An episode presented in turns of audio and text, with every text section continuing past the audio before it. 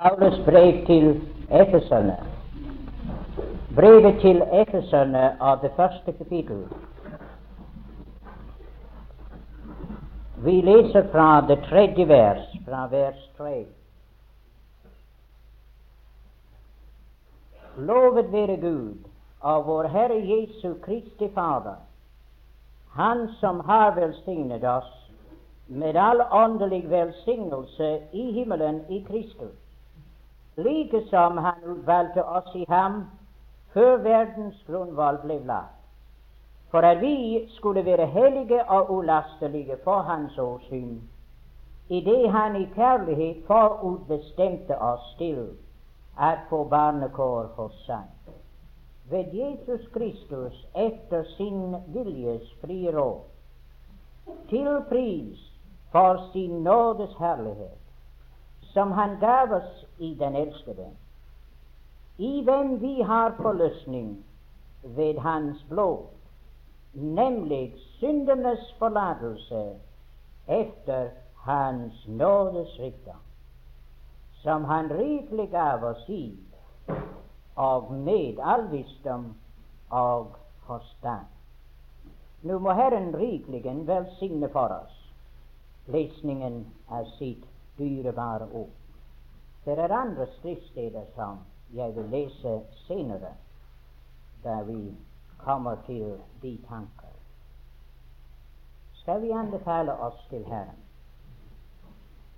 Herre, vi bøyer oss i din nærværelse, og vi er for ditt åsyn, for å høre hva du ved din Helligånd vil tale til våre hjerter. Vi bekjenner innenfor deg at vi er maktesløse i oss selv, men vi vet at alle våre kilder er i deg. Og vi overlater dette møtet til deg, og vi venter at du ville åpne himmelens sluser, og at du vil lære din rike velsignelse strømme over oss. Opplys du våre øyne til at se deg og at se den herlighet som er i ditt, ord. Vi anbefaler oss således til deg. Overlegge oss i din hånd, i Jesu navn.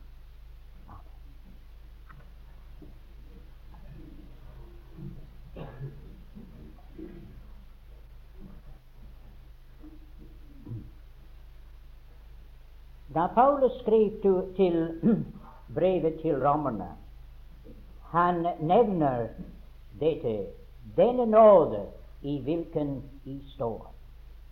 Og det er en veldig ting at ha fått den tanke i våre hjerter at vi står i nåde. Egentlig det er jo den største velsignelse som et menneske kan oppnå, er å stå i denne nåde. Det synes meg at det er det store emnet som Paulus hadde for sitt hjerte. Han hadde opplevd hva det var å være under lovens trelldom. Og da han hadde opplevd hva det var å være under lovens trelldom, og så hadde opplevd hva det var i nådens herlige frihet, ja, da kunne han tale om nåde. Til han hadde smakt dem begge deler.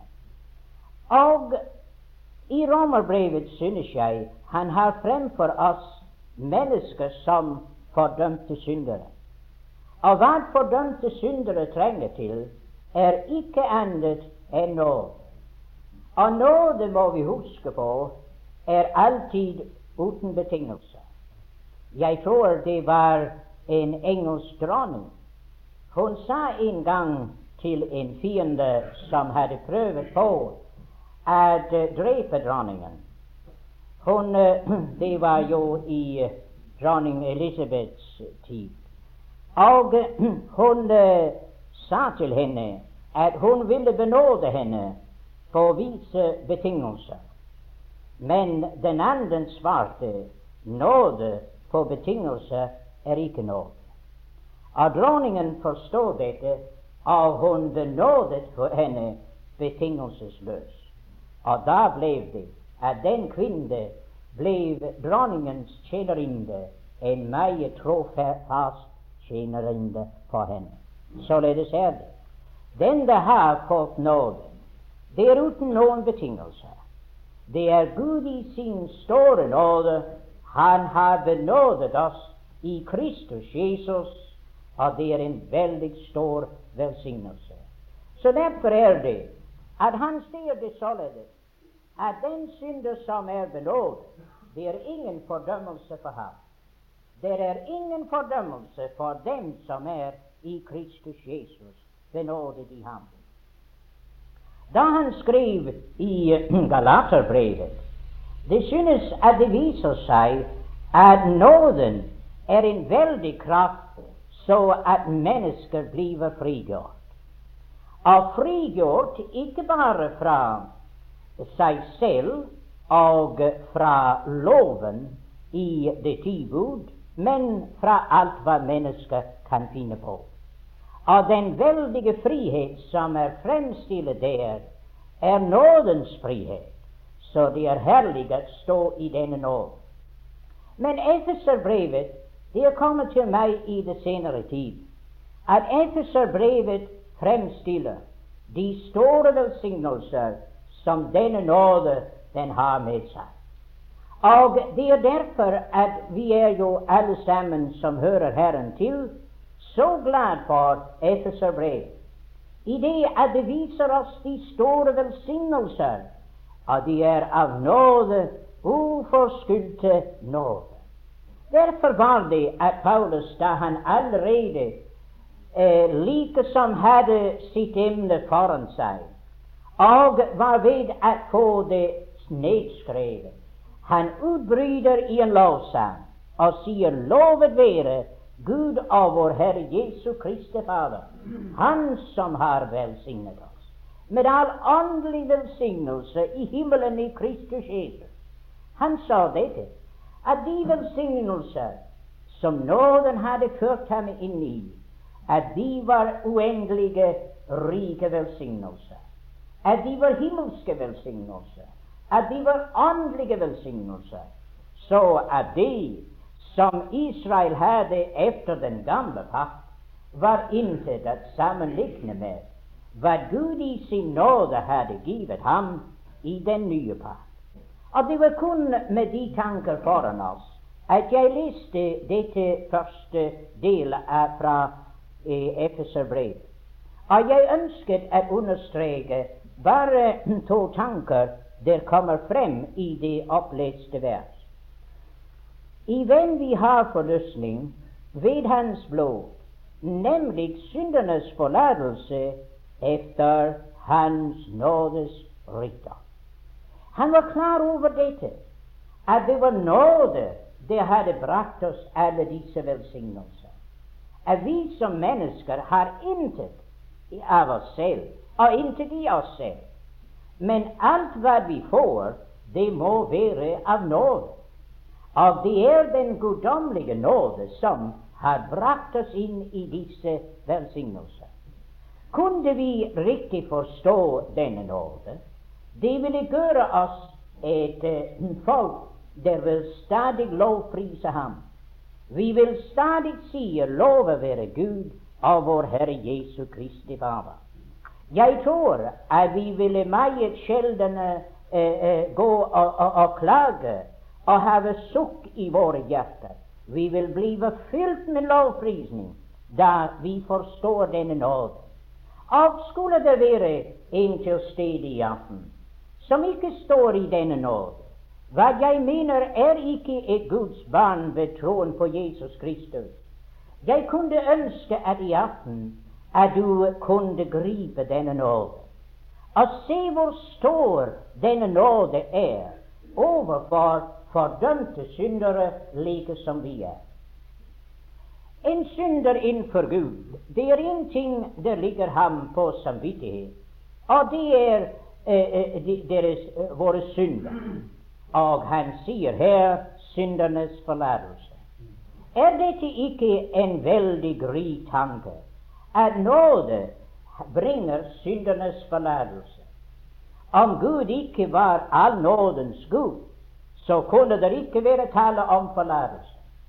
Men det er et vers i en av salmene som jeg er forferdelig glad for, og det er dette Men det er forlatelse hos deg.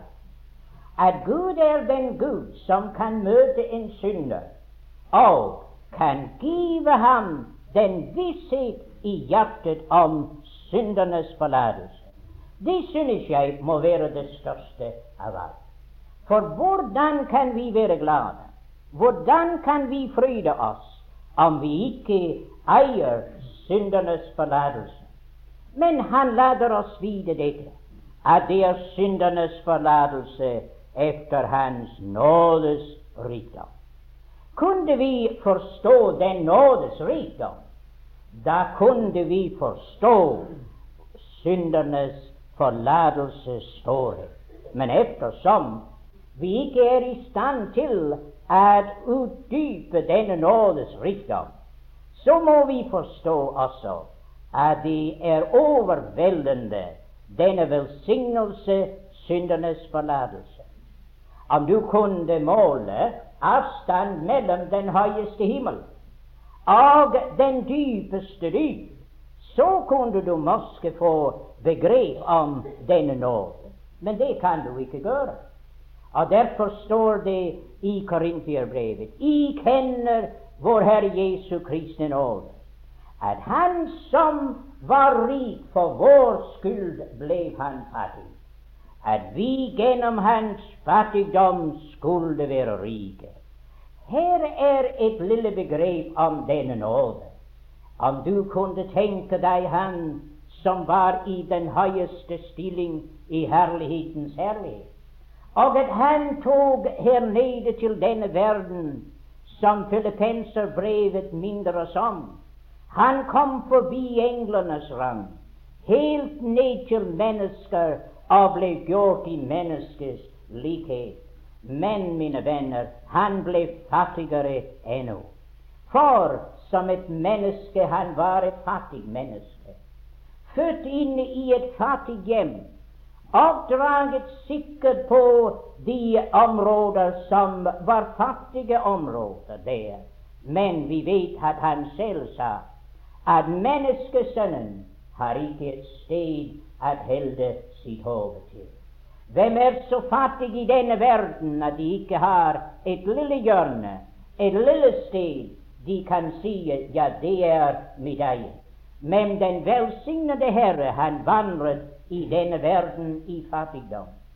Men hvem er så fattig at han ikke har noen venner? Men den velsignede Herre og Frelser, alle hans venner, de forlot ham. Alle sammen gikk fra ham, og vi ser ham der i Getsemane, hvor han sveder den blodige sved.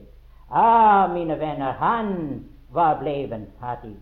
Men hvem er så fattig at han er forlatt av Gud.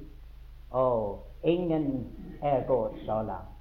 Men det var en der sa, min Gud, min Gud, hvorfor har du forlatt meg? Og der ser vi Hans nådes rikdom. Vi ser at han kom til Golgates kors, og han gikk ut i denne forferdelige mørke han ble fattig. Ja, der kan vi se noe av Hans nådes rykter. Hvor langt han måtte komme ned for å møte deg og meg. Til der var vi ute i denne mørket. Der var vi nettopp så langt borte fra Gud. Men her ser vi vår Herre Jesu Kristi nåde. Og her ser vi den rykten. Og du, kjære venn, som sitter der i aften, det var for deg at Jesus led på sitt kors på Golgata. Det var dine synder der førte ham ned i denne mørke. Det var mine synder der førte han der. Hans nådes rikdom. Og derfor kan vi se at den nåde er så rik at det behøver ikke at være en synder gå fortapt. Det er en rikdom i denne nåde, for det står han er rik nok for alle dem som påkaller ham. Tenk på den rikdom i det, at hver eneste synder kan påkalle ham.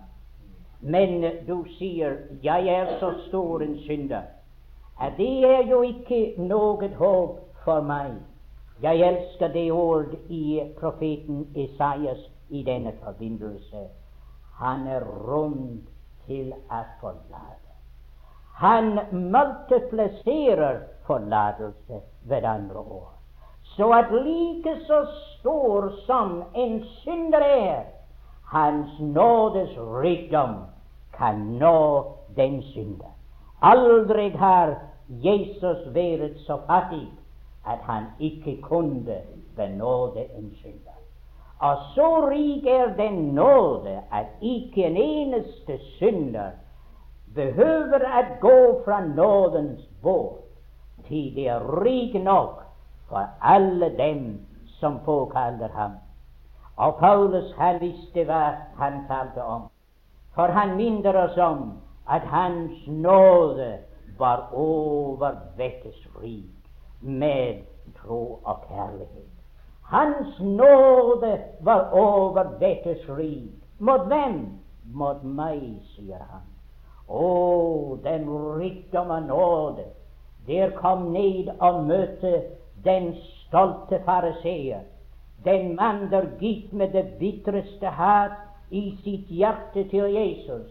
Jeg tør nesten si du har aldri hatet Jesus som Paulus gjorde og med den bitreste hat til Guds barn. Men hans nåde var over dette skritt. Så denne mann, han forstod hva han talte om. Jeg har hørt noen sier at de er de største syndere. Vel, mine venner, jeg tror at jo lenger et menneske lever i Guds nærværelse, jo mer blir han klar over hva for en stor synder han er. For Paulus sa ikke dette den dag han var frelst. Nei, han sa det da han var en gammel mann. Og da hans dager var nesten endt, og han sa blant hvilke jeg var den største. Nei, blant hvilke jeg er den største. Han visste i sitt hjerte at intet kunne hjelpe en sånn synder som ham enn den store overvettes nåde. Men den var Og så er det i dag den er rik. Den er rik for hver eneste en der vil påkalle ham. Og vi som er her i aften, det er det der fryder våre hjerter. At vi er klar over dette hans nådes rikdom har grepet. Og at vår syndernes forlatelse og vår velsignelse er i overensstemmelse med Hans nådes rikdom. Og det om alle Guds barn forstår dette, hvor vi, vi bli, hvordan kunne vi blive annet enn glade? For det vil strømme fra våre hjerter den nådes rikdom. Men da står det her om Hans nådes herlighet til pris. Jeg elsker denne herlige ord, Hans nådes herlighet til pris. Det er like som i Hans rikdom det lader oss vite. Hvor langt det går ut for å møte en synder og løfte ham opp. Men Hans nådes herlighet, det er like som at det stråler fra himmelen selv, Hans nådes herlighet. Det viser seg at det er det som er det største av alt. Ti, Hans nådes rikdom kommer til hvor vi er, men Hans nådes herlighet løfter oss opp til vår Herre. er. Og i ligger Hans nådes herlighet. Ty Hans nådes herlighet det er jo så stor. Det er Hans nådes herlighet til pris. Så jeg sier det således at når en synder han kommer der til herligheten, Han skal ikke have et eneste ord å si om seg selv. Om vi forstår dette, at det var Hans nådes herlighet til pris, da ville vi forstå at det var ikke alene dette at nåde kom til hvor jeg var, men nåden tok seg av meg. Vi hadde forleden aften den tanke om mannen som lå der ved veien i Jeriko. Og da kom den gode samaritaner til ham. Og han hadde med seg alt hva den stakkars mann trengte til. Og han gjorde alt for ham. Og da sa han til mannen, nå har jeg gjort så mye godt for deg. Nå skal du se til å finne din vei til Jerusalem. Nei, det sa han slett ikke. Han tok ham opp, og han satte ham på eh, det dyr som han selv hadde vært på. Og han førte ham til et herberge. Og han sier til mannen her, plei ham. Og hva det koster mer, så skal jeg betale det når jeg kommer ved andre år. Han tok seg fullstendig av mannen fra det øyeblikk. Han fullstendig tok seg av den mannen. Nå, det er nåde. Nåden frelser ikke en synder og sier til ham nå skal du finne veien til himmelen selv. Men nåden tar seg av mannen hele veien der. Og det er det som vi skal forstå. At nåden er Hans herlighet til pris. Ville det være Hans herlighet til pris at Han frelser deg av nåde, og så sier til deg nå må du klare resten. Da ville det være deg til pris. Men for at intet kød skal råse seg, det skal være Hans herlighet til pris så sier han, 'Jeg tar meg av mannen', og jeg skal føre ham igjennom inntil den dag som han står hos meg. Hans herlighet til pris. Jeg leser i profeten Sakarias at de fører eh, stenen inn med høyt råd til deg. Nåde, nåde til deg. Jo, nåde skal ha den høyeste plass i himmelen. Det skal være Hans nådes herlighet til pris. Og når disse samles hjem fra nord og syd og øst og vest, fra alle verdens hjørner, og jubler i Guds herlighet, da skal det være Hans nådes herlighet til. Til Han har gjort det av sand. Og derfor den herlige jubel i Johannes' åpenbaring. Verdig er lammet. Å, mine venner, det er stort. Det er Hans herlighet til pris. Men jeg tenkte å lese også et par vers i det andre kapittelet. Og der står det fra vers fire Men Gud som er rik på miskunn, har for sin store kjærlighets skyld hvormed Han elsket oss, gjort oss levende med Kristus enn da vi var døde. Ved våre overtredelser og synder av nåde er vi frelste, og oppvakt oss med ham og satt oss med ham i himmelen i Kristus Jesus. Dette er jo en herlig tanke. At her beviser oss at nåde er jo ikke bare en prinsipp, men nåde er en kraft. Det er en tanke som jeg sjelden har hørt noen bemerke eller eh, betone at nåde er en kraft. Men Paulus forteller oss dette. Av Guds nåde jeg er det hva jeg er. Men han sier også hans nåde var ikke forgjeves hos meg. Ja, men hvordan? Til jeg arbeidet mer enn de andre. Dog ikke meg, men Guds nåde som var i meg. Å, kan du se, mine venner, at nåde er ikke bare en velsignelse jeg får eh, givet meg, som jeg ikke hadde fortjent, og da jeg fortjente det motsatte, men det er en kraft. Det virker noe i meg. Det er derfor at evangeliet er en Guds kraft til frelse. Til evangeliet virker noe i en synder. Det er en levende kraft i en synder. Ja, sier du, Guds miskunnhet. Ja, det har vi her i dette kapittel. Og Guds kjærlighet. Ja, det har vi også her. Men Gud som har miskunnhet for sin store kjærlighets skyld. Ja, men miskunnhet kunne ikke hjelpe deg og meg. Og kjærlighet kunne ikke hjelpe meg om det ikke hadde vært nåde. Tid. Det er nåden der løfter oss opp.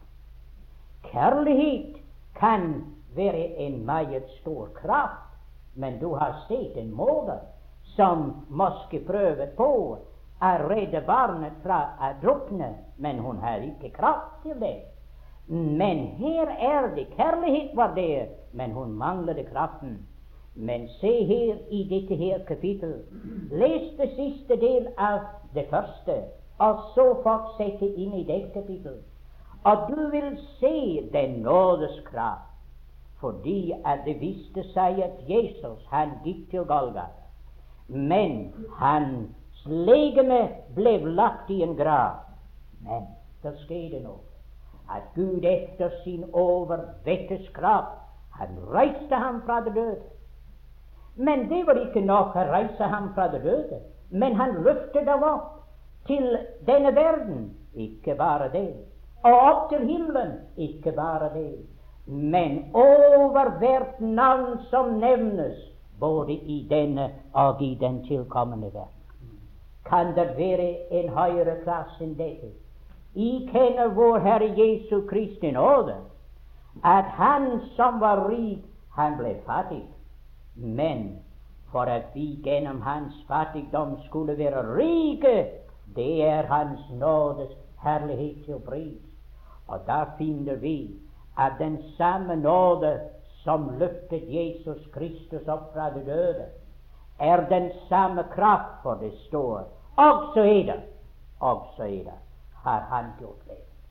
Hvordan har Han gjort oss levende? Ved denne kraft. Og Guds nåde har også løftet meg opp. Og som det står her, løftet meg opp og satt oss i himmelen med Kristus Jesus. Kan du komme høyere enn dette? Nei, det kan du ikke. Jeg har fortalt om en der reiste med toget, og så kom en annen og spurte ham er du på veien til himmelen. Han svarer ganske tørt jeg er det. Han tenkte den her mann, det er noe i veien med ham. er du på veien til himmelen, spurte jeg. Jeg er det. Tenkte den mann, det er ikke sånn riktig i hodet. Men han skulle spørre ham igjen. ja, de har ikke forstått mitt spørsmål. Jeg spurte om de var på veien til himmelen. Jo, mannen smilte, han sa, jeg vet hva du spurte, og jeg er det. Det kunne han ikke forstå. Men så leste han dette her. At Gud hadde løftet oss opp i Hans store nåde og satt oss i himmelen i Kristus Jesus. Det er Hans nådeskrav. Og hva gjorde mannen til å komme der? Ikke spor, ikke av gjerninger, for at ikke noen skulle råse seg. Hvem skal så få ros for dette? Hans nådes herlighet til pris. Til Han har mottaget oss i den elskede, og Han har satt oss i himmelen i ham. Så, min venn, hvor er alle dine gode gjerninger? Hvor er all din strid og strev? Hvor er all din møye og besvær?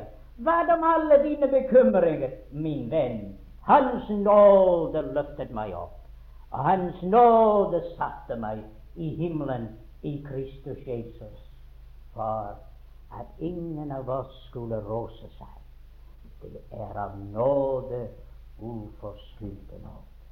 Er det ikke herlig å vite dette? Og det er jo velsignet å få denne tanke dypt og sterk i våre hjerter. Og det er nåde for hver eneste synder i aften. Enda en tanke i det tredje kapitlet. Og fra første vers. Derfor bøyer jeg mine kne, jeg Paulus, Kristi Jesu fange, for eders skyld. Om I ellers har hørt om husholdningen med den Guds nåde som er meg given for eder. Og eh, så vers 5. For i de, som i det forrige tidsaldre ikke er blevet kunngjort for menneskenes barn, således som den nå er, åpenbare for Hans hellige apostler og profeter i ånden, nemlig at hedninger er medarvinger og hører med til legemet og har del med i løftet i Kristus Jesus ved evangeliet. Og vers 18. Så i rådfestede og grunnfestede i kjærlighet må være i stand til å fatte med alle de hellige hva brede og lengde og dybde og høyde der er, og kjenne Kristi kjærlighet som overgår all kunnskap, for at I kan fylles til all Guds vilje. Nå her er det han taler om en husholdning med Guds nåde. Og jeg ville gjerne bare ganske kortlig berøre dette. En husholdning med Guds nåde. Det er like som om at mange predikanter i dag de vet ikke hva for en dag vi lever i. Du sier 'hvordan er det det?' Ja, for Moselov den forkynnes alle steder. Men Moselov har ikke noe med eh, nåden å gjøre. Nåden og loven er to forskjellige ting. Og Paulus han sier av Guds nåde er jeg det jeg er. Og loven hadde ikke det minste takk for det han var. Ikke det minste. Nei.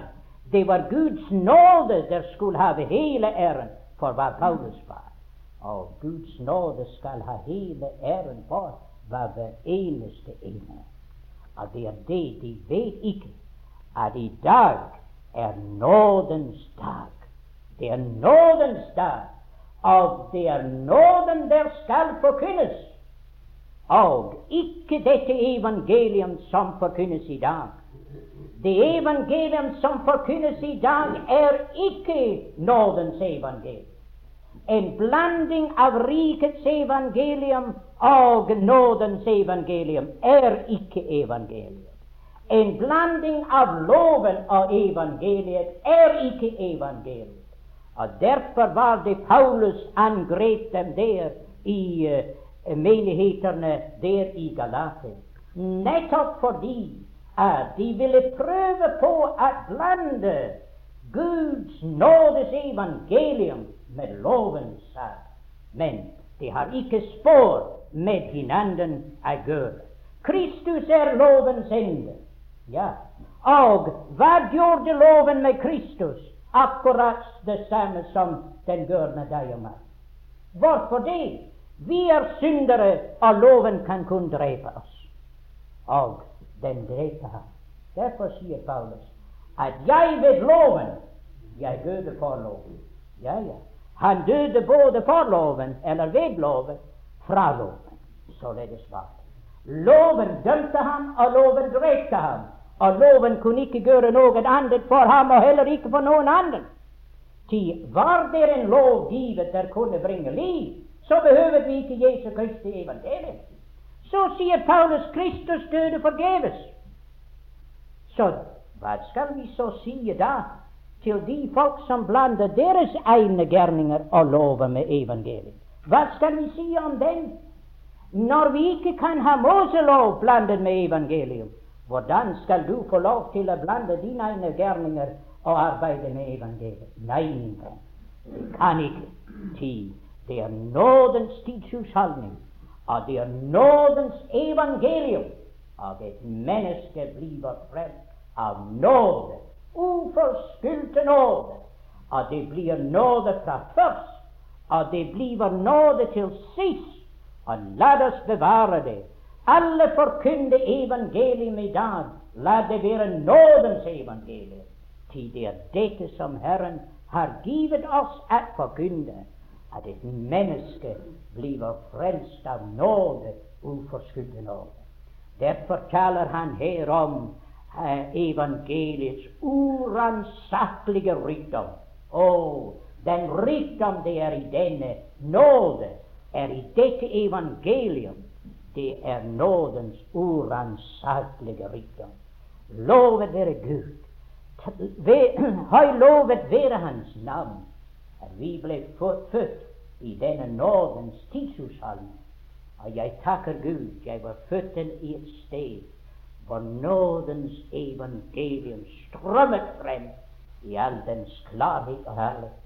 Og jeg beder Gud ved Hans nåde jeg må få lov til å bevare bodet rent inntil den dag at Herren kommer for kun evangeliet om nåde, uforskyldte nåde, tid. Det er nådens tidshushold. Og Gud opptager i menigheten. Han setter inn i hans menighet alle syndere. Uansett hva er deres klasse, deres rang eller deres nasjonalitet. Hele verden er innbefattet i denne nåde. Og Gud vil ta imot dem der vil komme til ham ved Jesus Kristus og frelse dem av nåde uforskyldt nå. Man kunne ønske å fortsette med disse tanker, men la meg kun bemerke at alt som er satt i forbindelse med det, er endog nå. I det fjerde kapittel, om vi fortsatte der vi ville finne, at han taler Paulus, han sier, 'Denne nåde ble meg givet'. Han forstår dette at da Jesus Kristus får opp i det høye, og da han gav menneskene gaver, de var alle sammen nådegaver. Alle sammen nådegaver. Og det gjør oss forferdelig Det ydmyker oss i Herrens nødværelse. Jeg synes at den det har minst grunn til å rose seg, og minst grunn til å være stor, er en predikant. Du sier hvorfor det? Fordi han er en nådegave. Han er en nådegave. Det er ikke noe evne som er i oss. Men om Herren har kalt deg til en tjeneste, og Han har lagt ned i ditt hjerte evangeliet om forlikelse, det er en nådegave. Og du er en nådegave til menigheten. Og du er en nådegave i denne verden at forkynne dette herlige evangeliet. Så det er alt nå. Alt sammen nå. Endog at jeg får lov til å stå her i aften og vitne om Herren. Det er alt sammen av Hans store nåde. Men han er ikke ferdig med oss. For hva var det han gjorde? Han ble fattig. Og vi gjennom hans fattigdom skulle være rike. Og han løftet oss opp til der hvor han er, Hans nådes herlighet til pris. Ja, sier du, og så er han ferdig. Nei, det ser ikke ut til dette. For det står i vers 7 i det andre kapittelet for at han i de kommende tider kunne vise sin nådes overvettes rikdom i godhet mot oss i Kristus Jesus. Til all nåde er i frelste ved tro, det ikke av ved oss selv. Det er en Guds gave, ikke av gjerninger, for at ikke noen skal rose seg i de kommende tider. I de kommende tider! Ja, hva så? Hva så? En broder fortalte meg at de skulle jo flyve rundt fra den ene planet til den andre og se all den herlighet men han var ked av det, for jeg visste meg ikke spor begeistret for det. For jeg sa til ham nå har jeg reist rundt om i denne verden med kofferter i så mange år, så denne tanke den giver meg ikke særlig glede. Nei, mine venner, det, skal, det vet jeg ikke om. Jeg har ingen interesse i det. Men ett vet jeg. Hva skal evigheten brukes til? Hva skal det brukes ja, hva kunne det brukes til? Ja, folk i somme tider kommer et sted, og etter de er der en åtte dager, så kjeder de seg. Det er ikke mer å gjøre, og ikke mer å interessere dem. Tror du at du kommer til å kede deg uh, blir ked av det i evigheten? Aldri en tanke om dette. Tid, mine venner, emnet er så stort. Det er Hans nådes overvettes rikdom i godhet mot oss i Kristus Jesus. Så i kjære gamle søskende, vi taler om og tenker på døden. Som broder McKinnon minnet oss om forleden, det er en tjener. Og det er en tjener at åpne døren for deg inn i den herlige palass, inn i den veldige herlighet, hvor du skulle kunne nyte til fylde Hans nådes overvettes rikdom i godhet mot deg i Kristus Jesus gjennom evighetenes evigheter. Så, da vi kommer hjem, da blir toppstenen, stenen, dette til Hans nåde og nåde til deg. Men ennå er det nådens dag. Og ennå tager Han imot syndere, og ennå frelser Han dem av nåde. Å, min venn, er der en her der vil komme til nådestål, så skal du finne nåde i aften. Han vil frelse deg av uforskyldte nåde. Ja, sier en, Gud har gjort sitt, så må du gjøre ditt. Han har gjort alt. Og han vil frelse deg av nåde, uforskyldte nåde, så at du har ikke et ord å si når du kommer hjem. Ikke et ord å rose deg selv av eller noen annen.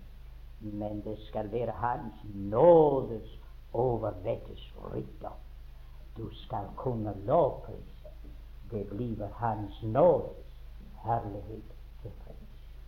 Så vi takker Gud for at Han i sin nåde har åpnet våre øyne til å se at det er en storhet i denne nåde. Og vi ønsker å fordype oss mer og mer i det, endog medens vi er her. For vi vet vi skal fortsette i det gjennom evighetenes evigheter, da Han skal vise sin nådes overvettes i godhet mot oss i Kristus Jesus. Så må Herren velsigne sitt ord for våre hjerter, at Hans nåde må virkelig være stor. Derfor, innen Paulus sluttet hans brev, da sa han, for Herre Jesu Kristi nåde være med.